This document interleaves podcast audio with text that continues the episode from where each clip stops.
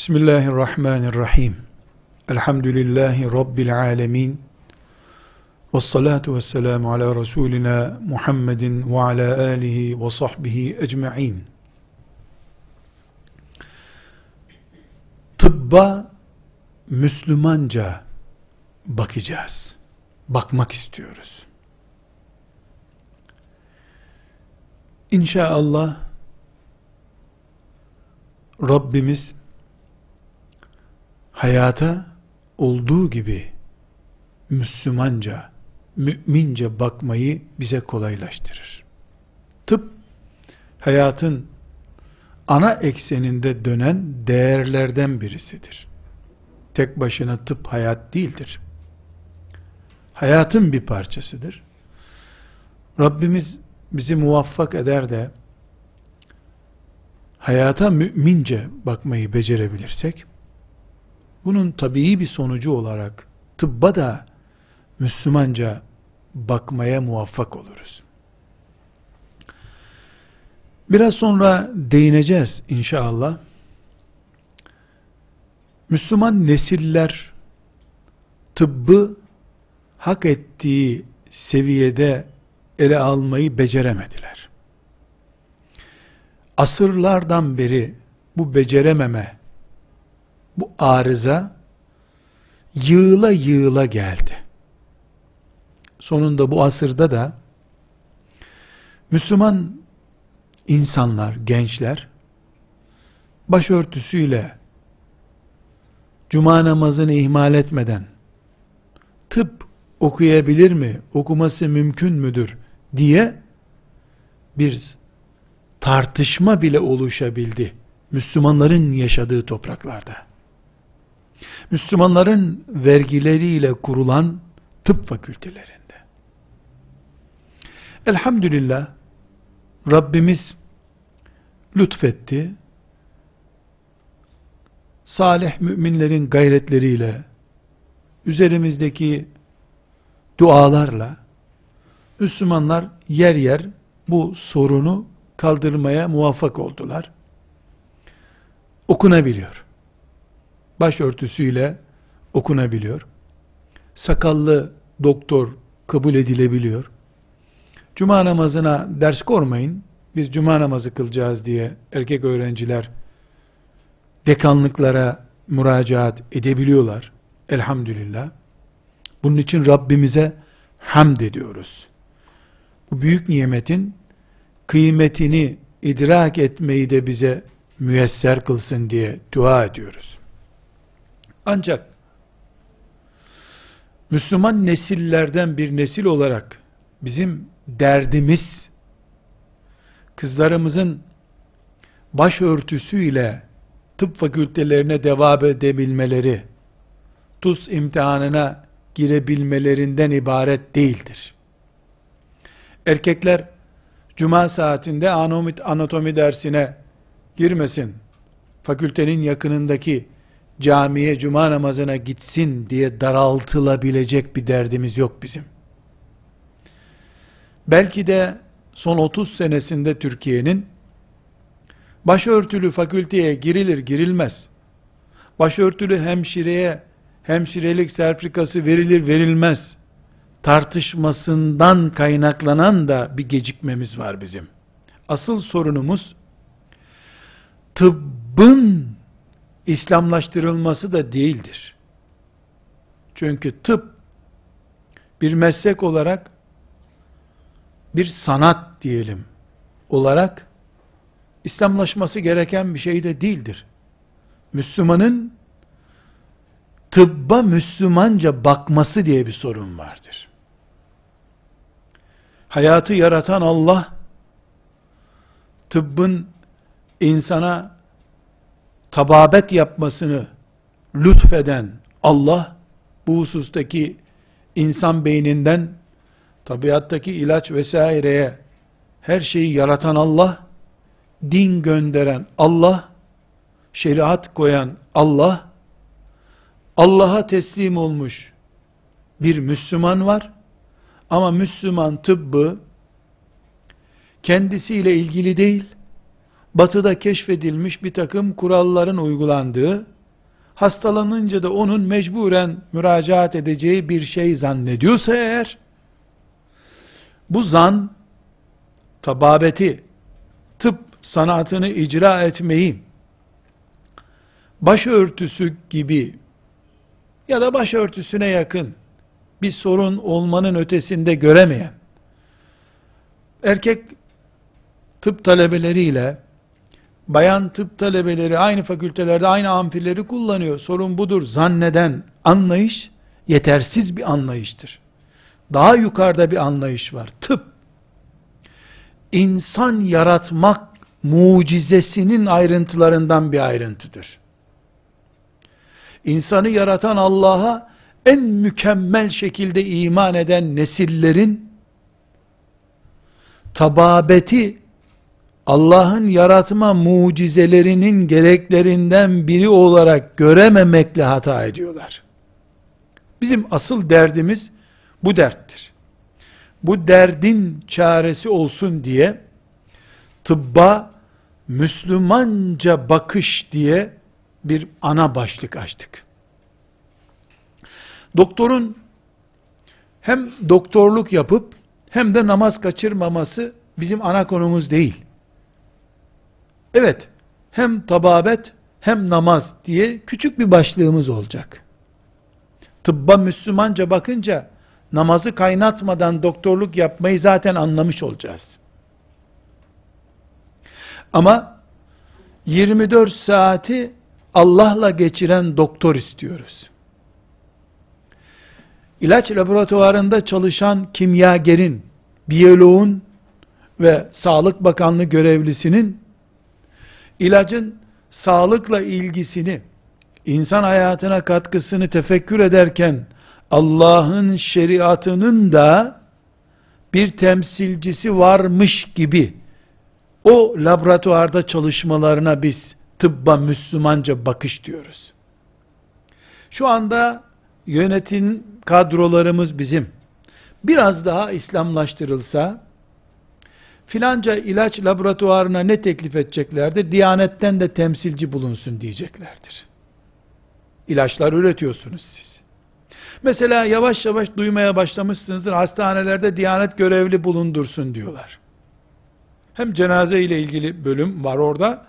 Hem de işte hastalara psikologlar gibi gelip dua yapsınlar filan. Bu da Avrupa'da var diye normal karşılanıyordur herhalde. Avrupa'da papazlar giriyor, bizde de hocalar girsin. Yoksa çok ayıp bir şey olurdu bu. Hocanın ne iş var hastanede? Üfürükçünün ne iş var hastanede diye alay edebilirlerdi. Papazlar da üfürdüğü için herhalde ses çıkaramamışlardır. Yoksa papazlara hakaret olur. Şimdi tekrar laboratuvara dönelim. Tıbba Müslümanca bakış derken, ilaç üretilen laboratuvarda hastanede veya tıp merkezlerinde Diyanet İşleri Başkanlığından da temsilci bulunsun demek istemiyorum. Hayır. Laboratuvara Diyanet temsilci göndereceği zaman oradaki doktor desin ki mümin olarak biz de buradayız. Niye siz uzman gönderme ihtiyacı hissediyorsunuz ki? Helal haramsa biz biliyoruz elhamdülillah. Hem de mesleğimizle ilgili olduğu için çok iyi biliyoruz deyiversin. Bir hastanenin başhekimi hemşirelere kural koyarken veya diğer bayan personele kural koyarken müftülüğü açıp şöyle yapmamız caiz mi diye sormasın. Şeriatın bayan personelin hastanede nasıl çalışması gerektiğine dair ince ayarları biliversin.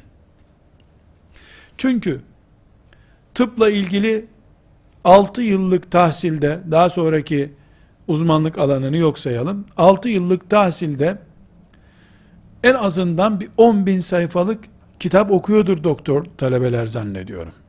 Kesin bir rakam bilmiyorum ama birkaç kitaplarını gördüm. Yani rahat bir 10 bin sayfa kitap okuyorlar.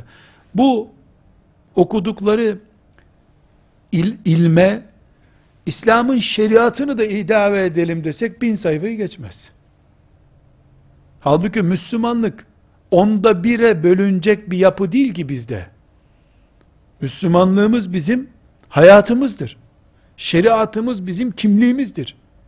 Müminlik bizim alnımızdır. Alın yazımız değil, alnımız odur zaten. Onunla hayata görünüyoruz biz. Dışarıdan bizi izleyen alnımızı gördüğü gibi mümin kimliğimizi görüyor. Durum böyleyken onda biri de İslami olsun, Müslümanca olsun diyemem ben. Olduğu gibi Müslümanca olsun. Çünkü olduğu gibi Müslüman olması çok şeyi değiştirmeyecek aslında. Belki onda bir kadar bir ilave bilgiyle bir doktor hanımın, bir doktor beyin çok rahat bir müftü efendi kadar bilmesi mümkündür. Müftü efendi tıbba ne kadar müdahale edecek? Tüp bebekte müdahale edecek, Ramazan orucunda müdahale edecek. E, fizyoterapide ayağı ağırdığında ne yapacak bir hasta onu söyleyecek. Daha ötesi yok mu? Daha yoğun değil yani. Biz burada inşallah tıbba Müslümanca bakışı bu mantıkla ele alıyoruz. Kızlar tıp okurken aman başörtüsü taksınlar diye değil.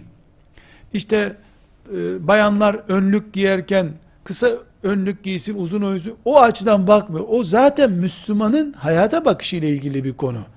Burada Allah'ın şeriatının tababetle ilgili kuralları nasıl derleyip toparladığını, nasıl önümüze koyduğunu ana hatlarıyla göreceğiz inşallah. Bunu hem kendimiz için saklayacağız ve bir sonraki kuşağa tıp kültürünün gereği olarak aktaracağız. Bu da bizim cihadımız olacak. Çok önemli bir dipnot gibi duran ayrıntıya temas ediyorum. Ben tıbba Müslümanca bakan doktor olarak yetişeceğim. Asırlardan beri tıpla İslam'ı kesişmez.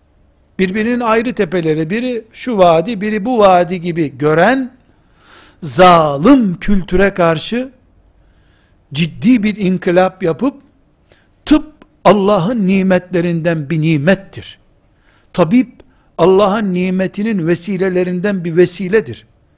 Tıp Allah'a secdeyi camiden fazla emreden büyük bir davettir. Şuurunu yakalayacağım. Doktor nere, hocalık nere, İslam nere diyen çizgiyi bozmuş anlayışı inşallah kaldırıp Allah'ın kuluyum, insanım, insanlıkla kulluğu birleştirdiğim gibi İslam'la da tıbbı birleştireceğim inşallah diyen nesil olacağız biz. Böylece bir taşla hani iki kuş diyorlar ya bir kendimizi vuracağız kuşsak eğer ondan sonra da öbür taşı aramadan da gelecek kuşağın öncüleri olacağız. Allah'ın izniyle. Sadece başörtüsüyle değil, mantık olarak tıbba bakarken bakacağız. Mesela Resulullah sallallahu aleyhi ve sellem Efendimizin konularımıza girmeden örnekler vereyim. Tıbbın Nebi diye e, isimlendirilen hadisi şeriflerinin toplandığı bir ilimcik dalı vardır. Tam bir ilim dalı da değildir. İbnül Kayyim e, rahmetullahi aleyh Zadül Maad isimli siret kitabının bir cildini Tıbbun Nebi denen bölüm olarak hazırladı. E, Zehebi denen alim de bu isimle bir kitap daha yazdı Tıbbun Nebi'de. Bu sefer Tıbbun Nebi diye bir bilim dalı varmış gibi zannedildi. Bu çok yerinde bir otur, oturmuş bir ifade değildir.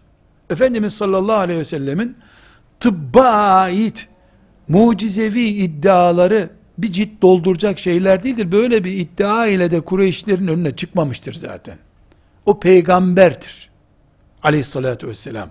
Doktor değildir. O bölüme geldiğimizde tıbba Müslümanca bakış bölümünün tabii konularından birisi. Ana başlıklarından değil ama tabii konularından birisi olarak bunu ele aldığımızda ayrıntılarıyla konuşacağız bu konuyu.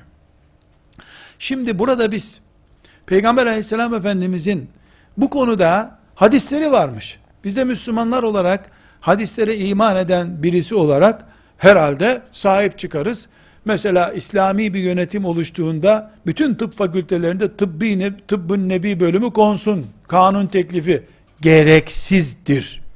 Bu zafiyeti ve itilmişliği kabul etme hastalığıdır. Hem benim peygamberim buna muhtaç değil, hem bununla yetinecek bir din değil benim dinim. Niye tıbbın nebi diye e, doktor için yasal haklar diye bir ufak ders maddesi konduğu gibi tıbbın nebi diye niye konsun? Nebime göre tıp okunsun. Bunun içinde tıbbın nebi hadisleri de gerekmiyor. Göreceğiz inşallah. Toplamı bin sayfa olmayacak bir ilave ile hayat da İslamlaşır, tıp da İslamlaşır. Büyük bakmakla çok büyük istemekle verilene razı olmak arasındaki fark bu. Tıbbın nebi dersi konsa her şey düzelecekmiş zannedersin. Halbuki tıbbın nebi dersi konduğunda yüzlerce öğrencinin kafası karışır. Bir yandan laboratuvarlarda senelerce denenmiş testler, onun sonuçları bilimsel kitap diye önüne konmuş, teoriler haline. Bir tarafta da Efendimiz sallallahu aleyhi ve sellemin Medine'de tıpla ilgili kabul edildiği varsayılan açıklamaları sanki bunlar dövüşüyormuş gibi bir sonuç ortaya çıkar. Ne öyledir ne böyledir. Benim peygamberim tıp desteği ile peygamberliğini güçlendirecek bir makamda değildir. Evet, tıpla ilgili ilk insan tespitleri İdris Aleyhisselam'a aittir. İlk insan olarak ilaç vesaire Lokman Hekim'den önce yani Lokman Hekim diyelim çok yaygın olarak ilk olarak baş ağrısıydı. Parmağını taş ezdi. Şu meremi sür, şu ot fayda olur türünden bilgiler İdris Aleyhisselam'a aittir. Ta yani Adem Aleyhisselam'dan bakıldığında Adem Aleyhisselam'a yakın tarafta duruyor İdris Aleyhisselam. Hep böyle elbise dikiyor filan diye terzi gibi bilinir ama bu da var İdris Aleyhisselam'da. Fakat bu herhangi bir şekilde İdris Aleyhisselam'ın doktor olduğunu göstermiyor. Allah peygamberlerinin kanalıyla kullarına belli şeyleri ilham etmiştir. Tıbba ait verilerin de ilk defa İdris Aleyhisselam kanalıyla akmaya başladığını zannediyoruz. Bu bilgi de böyle çok güçlü bir tarihi bilgimiz değil ama böyle bir dipnot var. İslam ilimleri, İslam'ı tıpla birleştiren kitaplarda böyle bir küçük not var. Ama benim peygamberim aleyhissalatü vesselam illa tıpla birleştirilecek bir kimlik aranıyorsa onda. Yani peygamberimizin e, işte tıpla birleşmesi nasıl olabilir deniyorsa şu dünyada insan psikolojisini, aile danışmanlığını Resulullah sallallahu aleyhi ve sellem gibi yapan birisi gelmiş mi şu kainata? Huzurlu, stressiz hayatı onun gibi açık seçik tarif eden var mı? On binlerce talebesi ve yanında duranına ölümden bile zevk alacak hale getirecek huzur tespitleri yapabilen bir psikriyatri var mı? Eğer insan psikolojisi de psikiyatrisi de bir tıp branşı ise bunun imamı, lideri, şahı Resulullah sallallahu aleyhi ve sellem'dir. Ama buna da muhtaç değildir diyoruz. Çünkü o peygamberdir. Marangoz olmadığı gibi kasap olmadığı gibi doktor da olması gerekmez peygamberimin aleyhissalatü vesselam. Ama bütün doktorların iman ettiği isimdir o. Peygamberimi tıpta bir branşın başına ya da tıbbın başına getirmeyi ona saygı kabul etmiyorum ben. Tıp da, teknoloji de, hayat ve ölüm ayaklarına kapansın onun diyorum. Onun adına varız bu dünyada zaten. Varsak onun için varız. Niye 10 tane hadisini alıp tıp işte bunlarla gelişti diyeyim gibi İbn Sina'yı yetiştirdi diyeyim ne alakası var? İbn Sina'nın veya Lokman Hekim'in veya filancanın tıbba katkısı olması doğaldır. İbn Sina'nın başka bir özelliği yok çünkü. Ölüp giderdi yoksa İbn Sina. Tıbba katkıda bulunduğu için isim olarak tarihe yazıldı. Biz ümmeti Muhammed olarak aleyhissalatü vesselam peygamberimizin böyle bir şey muhtaç olmadığına inanıyoruz. Tıbbın tamamını Müslümanca görmem gerekiyor benim. Bu mesela MR cihazının kıbleye dönük konması şeklinde bir iddia değildir. Madem ki ölüler mezarlarına işte sağ omuzu kıbleye gelecek şekilde konuyor. MR cihazı da tabuta benziyor. Dolayısıyla hastanelerde o bodrum katlardaki MR cihazları kıbleye sağ tarafa gelecek şekilde konsun. Böyle uçuk kaçık gereksiz şeyleri konuşacak zamanda değiliz zaten.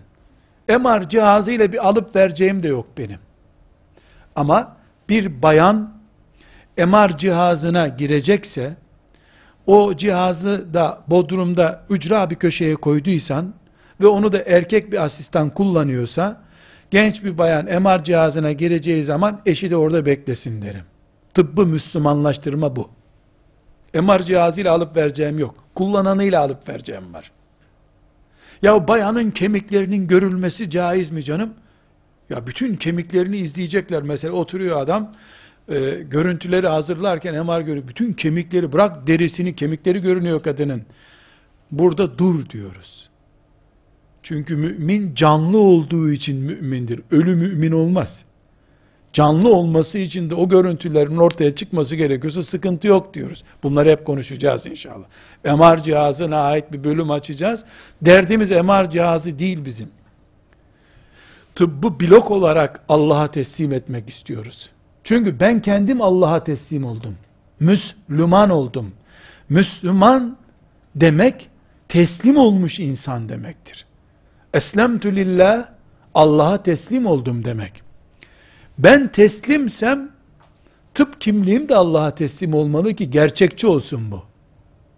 Kafam Allah'a ait değil, bedenimi Allah'a ait olduğunu söylüyorsam buna münafıklık diyoruz. Bu tıp için de geçerli. Mühendislik için de geçerli. Coğrafya bilimi içinde. Bütün bilim, bilim insan içinse, insan da Allah içinse, hepimizi Allah insan olarak kulluğu için yarattıysa, benim elimdeki mesleğimi niye Allah kendisi için yaratmış olmasın ki? Batı, bu bilimlere üç asırdan beri hegemonyasını oturtmuşsa, bu hegemonya yüzünden de her şey ilahsız olacak, Rabsiz olacak. Rab benim. Paris'teki laboratuvardır ilah diyorsa eğer bunu ben kabul etmek zorunda değilim. O domuzu yemeyi de helal görüyor zaten. O başka bir fuhşiyatı da helal görüyor. Ben kabul etmiyorum ki bunu. Senin bıçağını getir, bıçak kestiğin domuz sende kalsın diyorum. Aletini alıyorum, akidesini almıyorum. Tıp içinde aynı şey geçerli. Bu girişten sonra tıpla ilgili bazı tespitler yapacağız. Bu tespitleri mukaddime diye isimlendireyim izin verirseniz. Birinci mukaddime, ikinci mukaddime, üçüncü mukaddime diye sayayım. Henüz tıbba girmiyorum. Ama belli mukaddimeleri oturtmam lazım ki ana tıp konularına girebileyim. Yani nasıl siz tıp eğitimi alırken önce size bir insan anatomisi, canlı anatomisi diyelim. Canlı anatomisi diye bir ders veriliyor. Ciğer şurada, parmak burada, diş burada diyor. Bunu iyice öğretiyor. Resimle öğretiyor, iskeletle öğretiyor, kadavrayla öğretiyor. Ondan sonra da seni cerrahi dersleri alıyor. Ondan sonra damar cerrahisine götürüyor seni.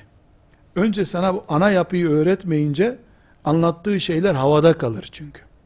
Aynı şekilde bizim de mesela Ramazan'da oruç ve tıp ve din nasıl birleşecekler? Oruca nasıl oruç tutturacağız? Ramazana nasıl oruç diyeceğiz? Tıbbı Ramazan'ın neresine koyacağız? Ya da Ramazan'da tıbbı ne yapacağız? Gibi soruların hepsinin ortak cevabında rahat anlaşabilmemiz için bazı ön sözler konuşmamız lazım. Mukaddimeler yapmamız lazım. Bunlardan birinci mukaddimeyi not alabilirsiniz. Mukaddime bir diyelim. Tıp bir meslektir. Müstakil bir meslektir. Bütün meslekler gibi tıbbın da kendine ait kuralları olması normaldir. Ben size burada konuşan birisi olarak tıpla hasta olmanın dışında hiçbir alakam yoktur. Hasta olduğum zaman tıbba ve tabibe muhtaç oluyorum. Onun dışında ne tıp tahsili gördüm, ne kavramlarını kullanabiliyorum. Yani ilaç filancası diye bir kağıt var arkasında onun ismini bile telaffuz etmekte bazen kekeliyorum. Uzun bir Yunanca isim herhalde onu kullanamıyorum. Belli tıbbi şeyleri tarif ediyorum. Dolayısıyla ben burada size endoskopi değil de e, gırtlak kamerası dersem kızmamanız gerekiyor. Ben bu meslekten değilim. Ya gırtlak kamerası uyduruk bir kelime demeyin bana. Ben öyle anladım. Mesela doktorların beyin casusluğu yaptıkları bir aletleri var. Hep dahiliyeciler boynunda gezdiriyor onu. Görüyorsunuz adını bilmiyor olabilirim ben. Doktor kulaklığı dersem kızmayacaksın. Ya bunun Greççe adı böyle değil, Yunanca da böyle değil. Ya bırak ne yapayım ben? ben? Hayatta onu kullanmayacağım. Kullansam anlamam zaten.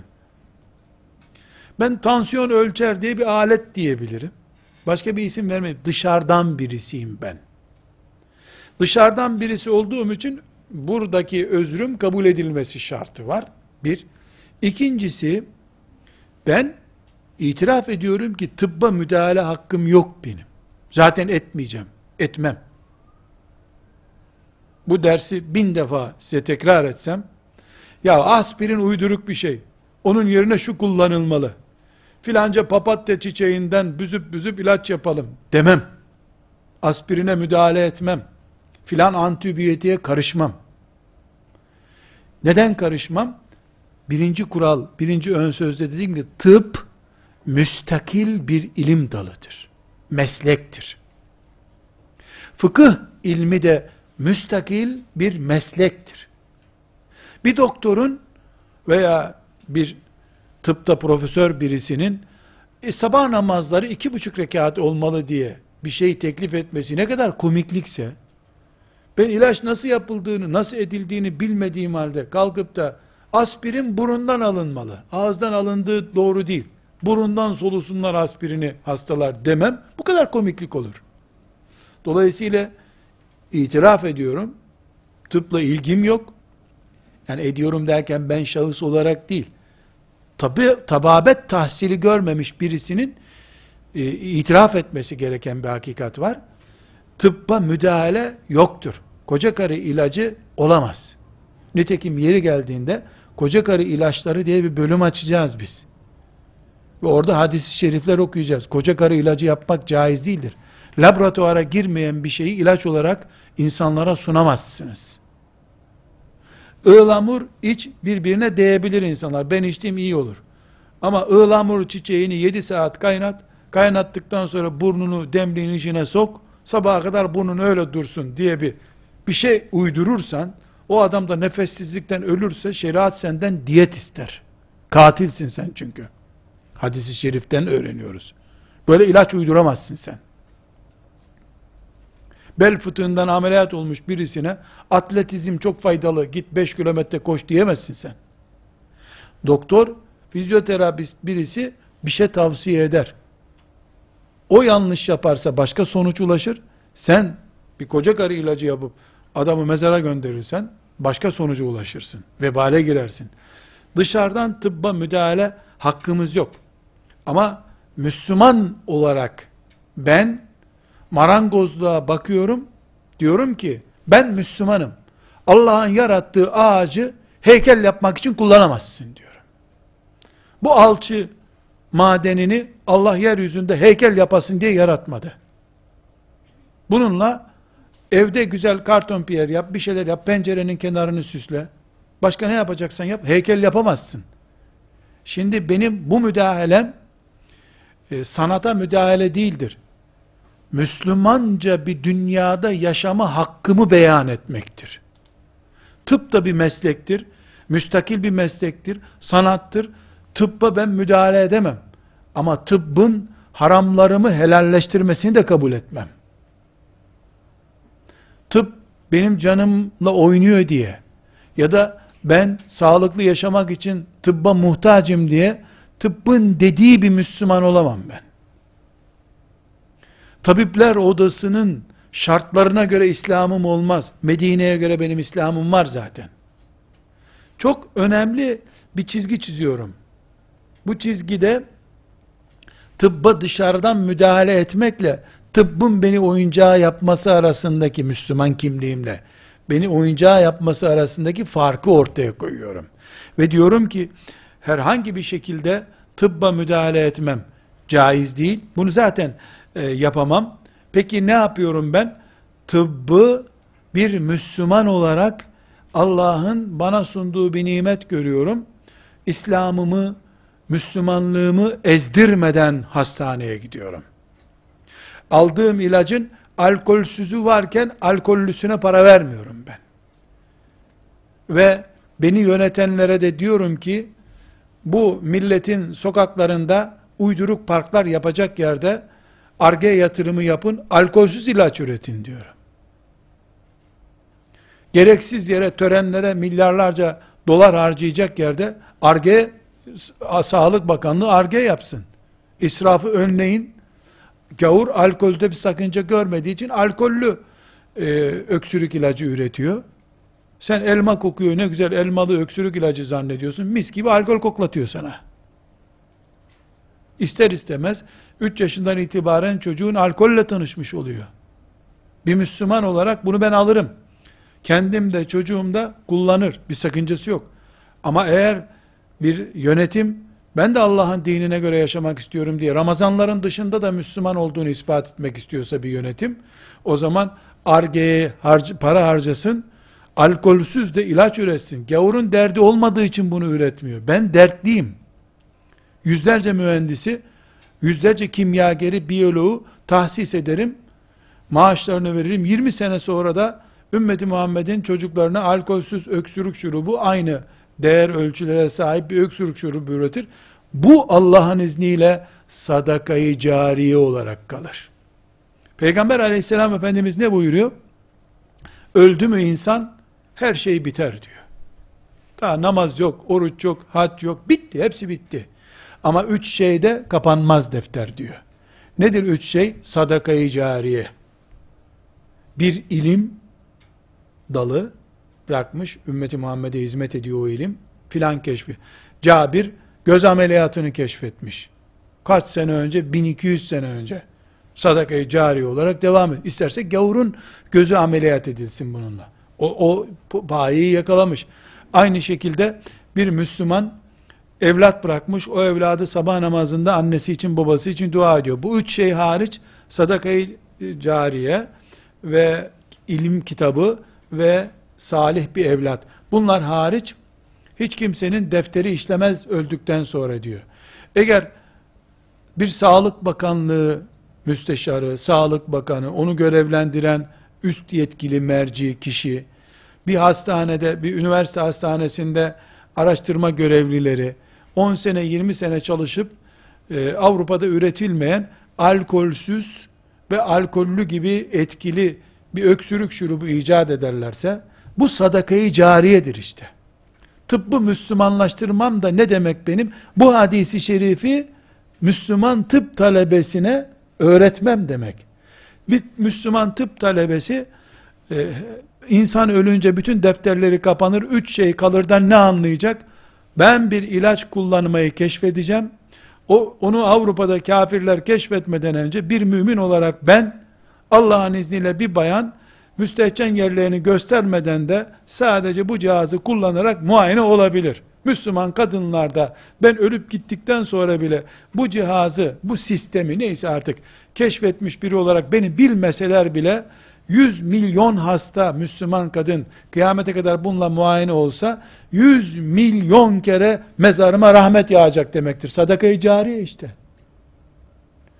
Bir tez hazırlıyorum.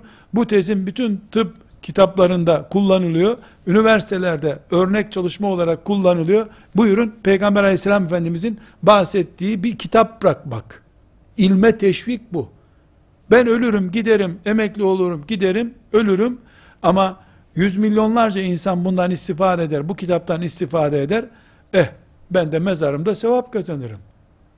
Veyahut da Müslüman bir insan olarak e, evladımı Allah'tan korkan biri diye yetiştiririm.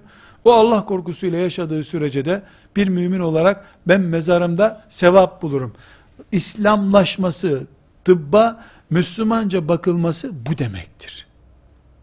Yoksa bütün doktorlar sakallı olsun, kendimizi Medine-i Münevvere'de hissedelim demek değildir.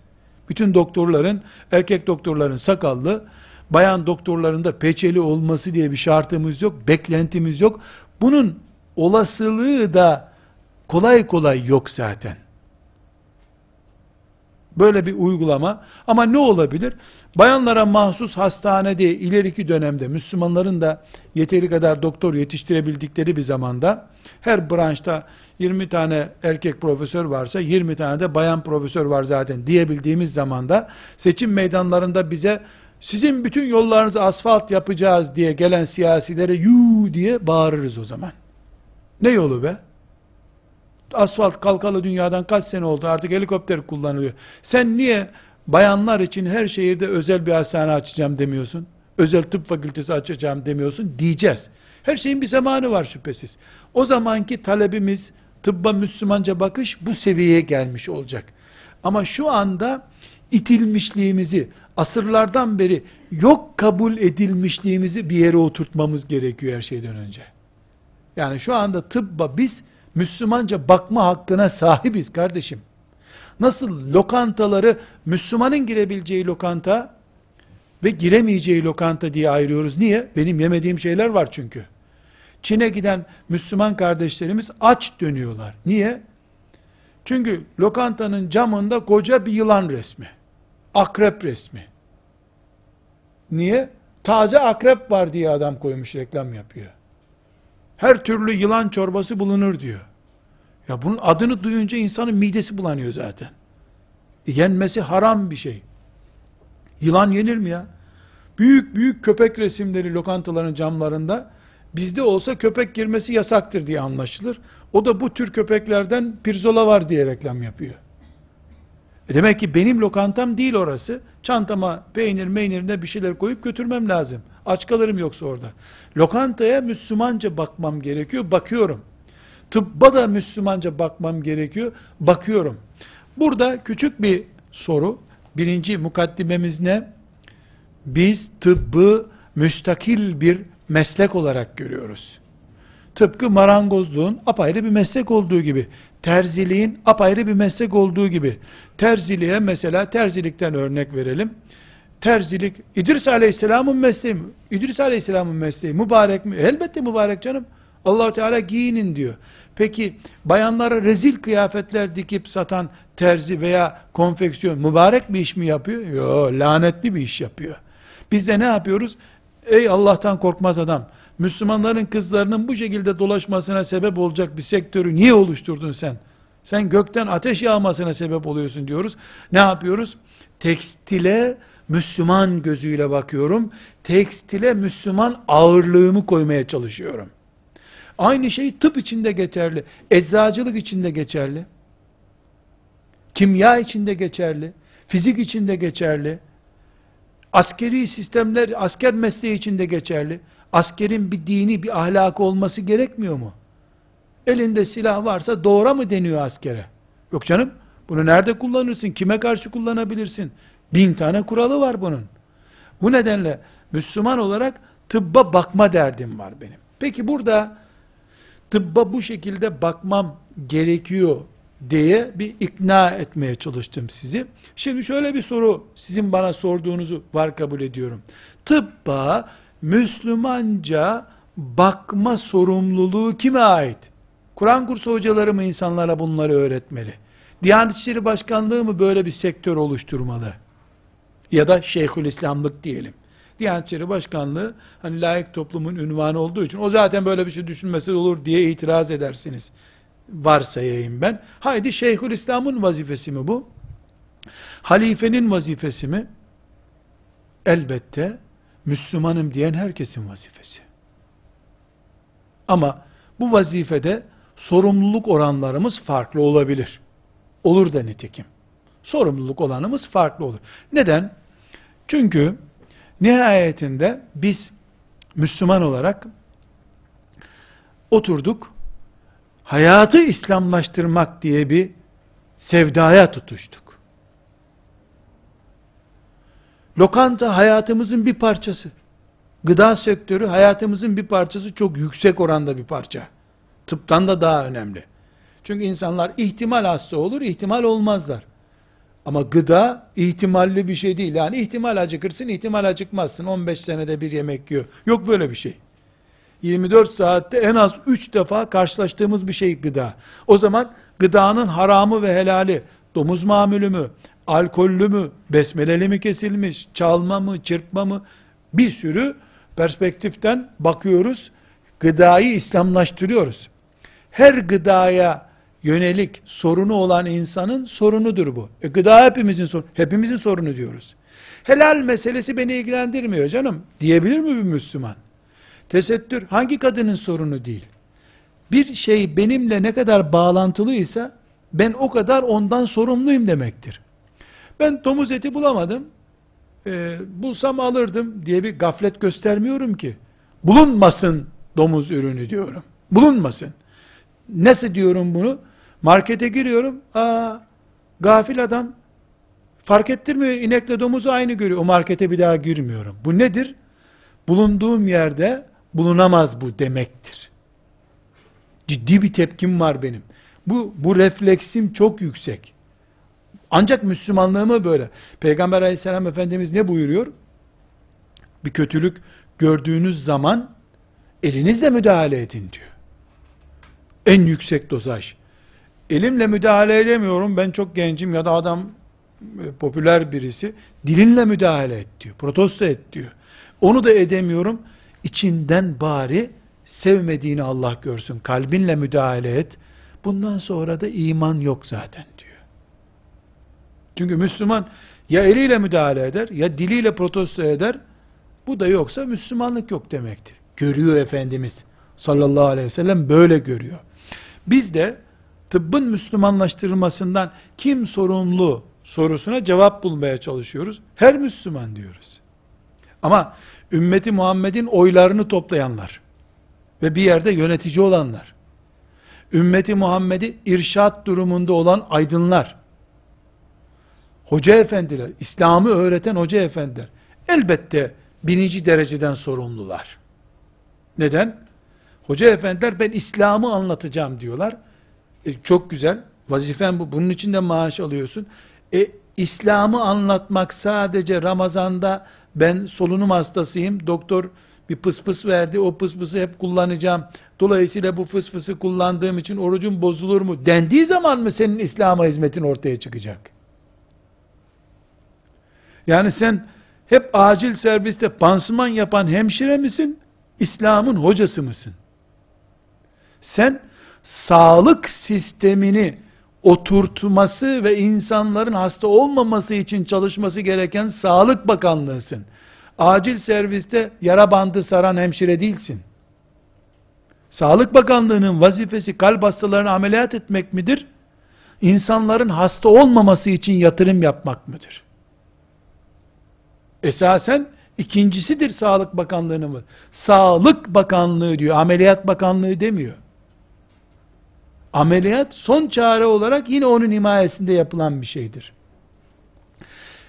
Ümmeti Muhammed'e hizmet eden hoca efendiler, onların bağlı olduğu müftülükler, diyanet önce dini oturtmak zorundadırlar. Orucu bozulana, orucun bozuldu kaza et demek değildir ki. Veyahut da senin hanımın boşandı senden diye fetva vermek, kalp ameliyatı gibi en son yapılacak iş o zaten. Önce dindarlığı oturtmak zorundadırlar. Allah korkusuyla yaşamanın Müslümanlık olduğunu anlatmak zorundadırlar. Fani bir dünyadayız biz, ebedi cennete gideceğiz, aman gayret edelim demektir vazifeleri. Hep e, bağımlı, uyuşturucu bağımlı olmuş gençleri kurtarmak değil ki müftülerin vazifesi veya diyanetin vazifesi. Ne sorduk? Tıbba Müslümanca bakma şuurunu oluşturmak kimin vazifesi? Bütün Müslümanların vazifesi dedik. Ama bunun öncü kadroları dinle kim meşgulse, mesleği kimin dinse onun vazifesidir. Elbette başta belirttiğimiz gibi tıbba müdahale hakkı yok. Etmesi sakıncalı zaten. Bu mesela işte filanca eldiveni kullan, o caiz değil diye bir şey koyamaz. O tıbbın zorunlu bir maddesi ise ona hocası da uyar, talebesi de uyar, uymak zorunda. Bu bunu tartışmıyoruz biz. Ama nesillerin tıp da Allah'ın nimetlerinden bir nimettir. Tıp da insana hizmet için vardır. Tapınılmak için yoktur tıp. Tıp tapınılmak için değildir. Allahu Teala'nın şeriatına göre yaşayan insana hizmet etmek içindir. Hizmetçiye niye tapınayım ki ben? Tıp hizmet bilimidir. Marangozluk gibi, terzilik gibi tapınılacak, önünde secde edilecek Allah vardır sadece. Onun dini yöntemiyle. Bu sebeple tıbbın Müslümanca görülmesi, Müslümanlaştırılması demektir zaten. Bu kimin vazifesidir? İslam'ı öğretmek, eğitmek sorumluluğu taşıyanların vazifesidir. Sonra kimin? Müslümanların başına geçenlerin sorumluluğudur. Onlara da bu şuuru yine Müslümanların din hizmetini gören alimleri, hoca efendileri, müftü efendileri verecekler. Şeyh efendilerin vazifesi bu. Şeyh efendiler de bundan sorumlu. Niye? Şeyh efendi de Allah'a daha yakın bir hayat oluşması için bir sistemin başında duruyor. Allah'a daha yakın olmak diye bir sevdası varsa bir şeyh efendinin ki budur zaten varoluş sebebi onun. E tıp da Allah'a daha yakın olmak için var zaten. Secdeyi sandalyede eğilip yarı bükülüp değil de tam alnını toprağa yapıştırsın diye değil mi bu e, insanların sağlığı için mücadele etmek? Neticede ibadet için yaratılmış insana daha rahat ibadet etsin, daha rahat kul olsun diye tıp hizmet ediyor.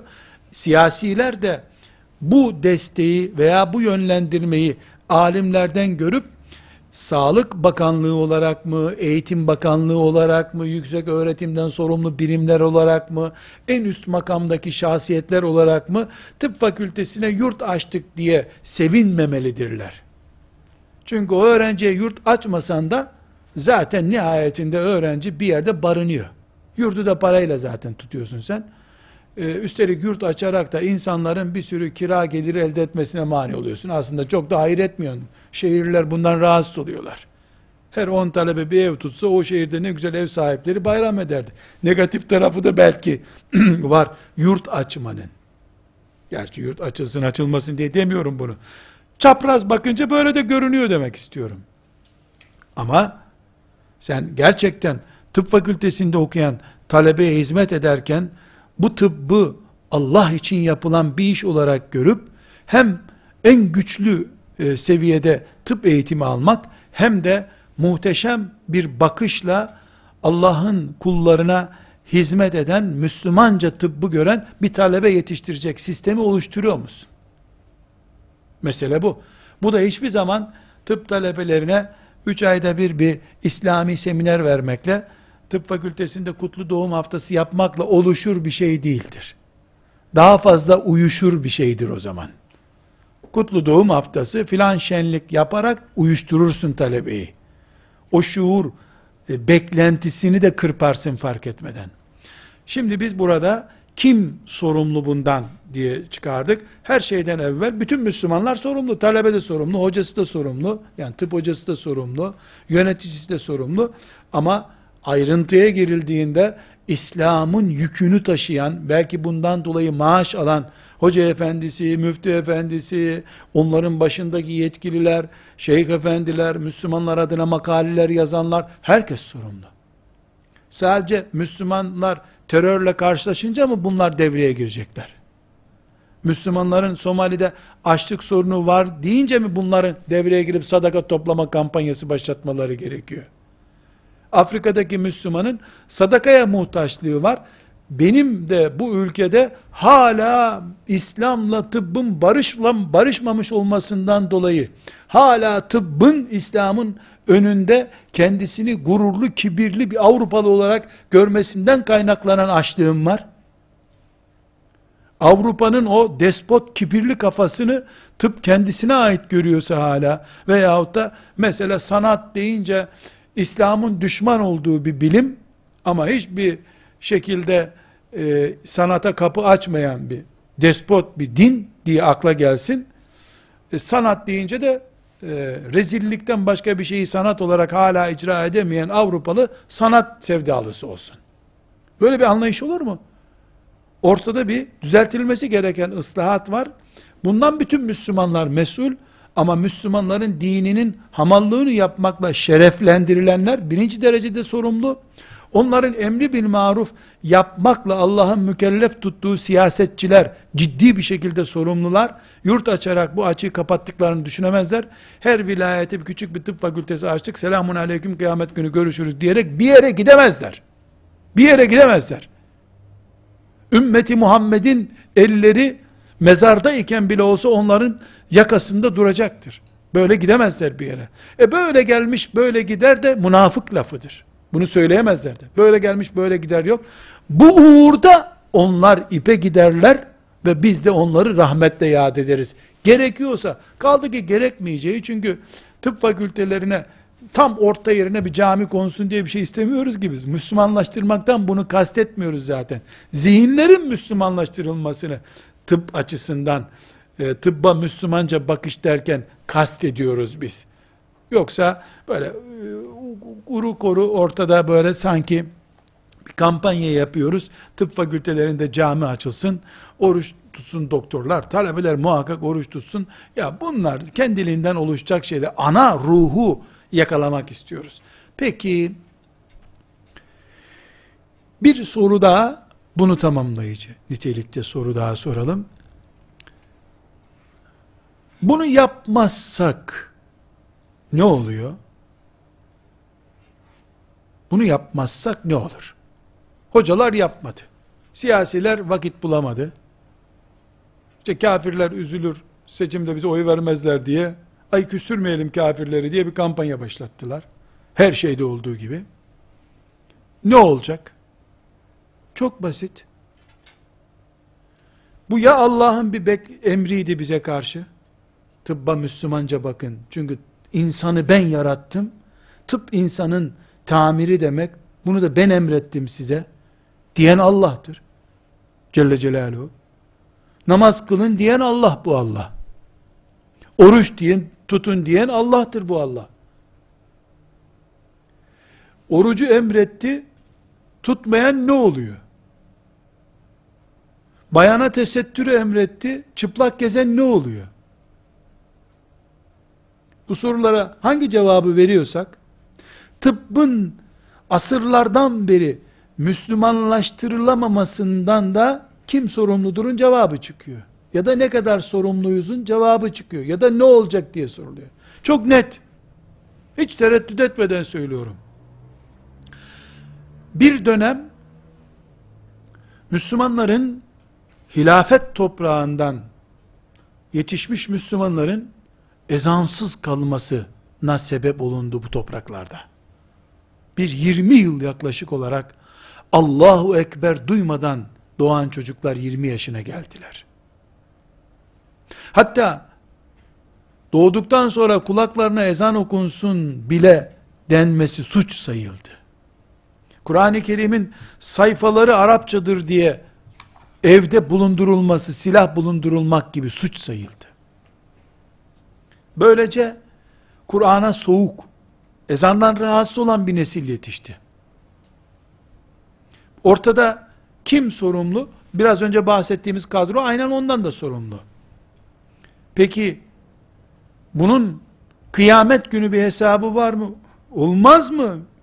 20 yılda o zamanki Türkiye'de mesela rahat bir 50 bin cami vardı. Diyelim. Çünkü şu anda 100 küsür bin cami var. Yarı yarıya camilerin çoğaldığını kabul edelim. Yani 100 bin şimdi varsa 50 bin cami vardı. 1950'ye kadar ki dönemde.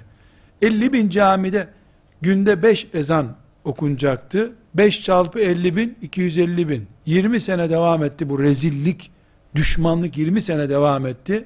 365 çarpı 20 çarpı 250 bin kadar ezan göklere yükselmedi. Bunun hesabı sorulacak mı kıyamet günü sorulmayacak mı? Kimden sorulacak? Herkesin ağırlığı kadar. He uygundur böyle ezandan sakınca yok diyen o zamanki müftü de kıyamet günü hesap verecek. Bu yüzden ben asılayım ama şu minarede bir kere Allahu Ekber diyeyim diyen mümin de şehit olup gitmiş o da dirilecek kıyamet günü. Herkes Rabbinin huzurunda hesap verecek. Şimdi o pozisyonu bir kenara koyalım. Yeni bir pozisyon düşünelim. Tıp şu kadar asırdan beri Müslümanlar tarafından bir ilim dalı olarak görülmediği için veyahut da o belki ağır olacak ilim dalı görülüyordu da bizim vaktimiz yok. Nasıl olsa e, Romanya'dan bir tabip getir. Bulgaristan'dan da bir tabip getir. Tamam Rus tabip de anlıyor bu işten. İngiliz tabip getir. İthal mantıkla idare edip Müslümanların çocuklarına fıkıh öğretir gibi, tefsir öğretir gibi Allah'ın en büyük sanatı olan insanı tamir etmeyi, öğretmeyi ihmal etmiş nesiller ezanı susturmakla hata edenlerin, hıyanet edenlerin yargılandığı mantıkla yargılanacaklar elbette. Aynı suçtur değildir ayrı bir mesele. Şüphesiz ezanı susturmakla tıbba Müslümanca bakamamak aynı değil. Ama iki suçun da ortak paydası İslamiyeti olduğu gibi değil, yapabildiğin kadarıyla alma hastalığıdır. Bunu bir ihtiyaç olarak hissedememe hastalığıdır. Eğer bir nesil çıkıp gencecik yaşlarına rağmen ben hafta sonu tatil yapmayayım ama tıbba Müslümanca bakacak şuurum olsun. Allah'ın bu konudaki ayetlerini bir anlayayım. Peygamberimin bu konudaki aleyhissalatü vesselam hadisi şeriflerini anlayayım. Fukaha ne demiş? Nasıl olsa bu herhalde 500 ciltlik bir kitap değildir. Ana maddeleri, bir müftü olmam gerekmiyor zaten benim. Ne bilmem gerekiyor mesela çok basit. Tüp bebek konusunda bir doktora tezi hazırlansa rahat bin sayfa olur bu. Ama bir doktorun bilmesi gereken şudur. Tüp bebekte nikahlı iki insanın spermi üzerinden çalışma yapılabilir. Nikahsızlara bir sperm çalışması yapılamaz. Üçüncü kişinin spermi üzerinden müdahale yapılamaz. Bu zinadır, haramdır. Kaç cümle bu? Bin sayfa da olsa o doktor tezi, doktorun bilmesi gereken budur. Milyon dolar da versen laboratuvarıma sokmam bu sperm müdahalesini demesi. Müslümanca bakmak bu kadar. Elbette bunu Ezeri'de doktora tezi hazırlamış bir fıkıh küçük gibi bilmeyeceksin sen. Bilsen zaten tıbba zarar edersin. Fıkıh konularından 4-5 konuyu böyle doktora tezi bilir gibi bilse ben onu uygun da bulmam. Yazık olur. Sen onun yerine 20 tane hasta fazla muayene tecrüben çok olsun derim. Ama nikahsızın, nikahsızların e, tüp bebek müdahalesi, görmesi haramdır, zinadır. Aynı şekilde iki nikahlı karı koca geliyorlar ama onlardan başka üçüncü kişi tüp bebekte katkı sağlıyor. O da haramdır. Zinadır. Ve buna destek olan da zina yatakçısıdır. Bu kadar bildi doktor, bitti ya. Doktorun bilmesi gereken budur. Ondan sonra salı günü mü alsak bunu uygundur. Perşembe günü mü, aybaşı gününde mi müdahale edecekti, temizlik gününde, ya bunları bilse de olur, bilmese de olur doktor. Onları sıkışınca hasta gitsin müftüye sorsun. Beklenti bu kadar. Yani tıbbı İslam gözüyle, Müslüman şeriat ehli bir insan gözüyle görmek demek, binlerce doktor tezi okumak demek değil. İşte bir tünü bir bin sayfa olmayacak kadar, siz de görüyorsunuz tüp bebekle ilgili 10 e, cilt kitap yazılabilecek döküman var. Beni hangisi ilgilendiriyor tüp bebek konusunda? Sağlık Bakanlığı'na bağlı bir hastanede bu işlem yapılıyor. Ben vatandaş olarak bu kadar biliyorum. Ne yapıldığını başka bir şey bilmiyorum. Doktorun da Müslümanca bakabilmesi için buna en çarpıcı ve kalıcı bir örnek vermiş oluyorum size. Doktorun da e, bilmesi gereken nikah olmayanlar bu işe müdahale ettirilemez. İsterse kanun yetki versin hiç önemli değil. Artı üçüncü kişi bu işe karışınca bu haramdır. Küçük bir ahlak bilgisi her konuda bilecek tüp bebek ilgisi olmadan bu avrete bakmakla ilgili ağır bir iş olduğu için olağanüstü müdahale olarak kabul edilir. Çok sınırlı bir şekilde ulu orta değil. Çok e, kolay, mümkünse erkek doktor değil bayan doktor olacak. Erkeğe erkek doktor bakacak. Yani bu zaten tıbbın genel ahlakı içinde bunu zikredeceğiz. Tıbbı Müslümanlaştırmaktan bunu kastediyoruz. Onun için diyoruz ki birinci mukaddimemiz şudur. Tıp müstakil bir meslektir. Gelip hocaların tıbba şekil vermesi gerekmiyor. Asla doğru bir hareket değil zaten. Yapsalar yanlış olur. Asla yapmamalıdırlar. Ama ben hayatı Allah'ın istediği gibi görmek zorundayım. Müminim çünkü. Tıp da hayatın çok değerli bir parçasıdır. Tıbba da Müslümanca bakarım. Öbür türlüsüne şaşı derim. Ve sallallahu ve sellem ala seyyidina Muhammed ve ala alihi ve sahbihi ecma'in velhamdülillahi rabbil alemin.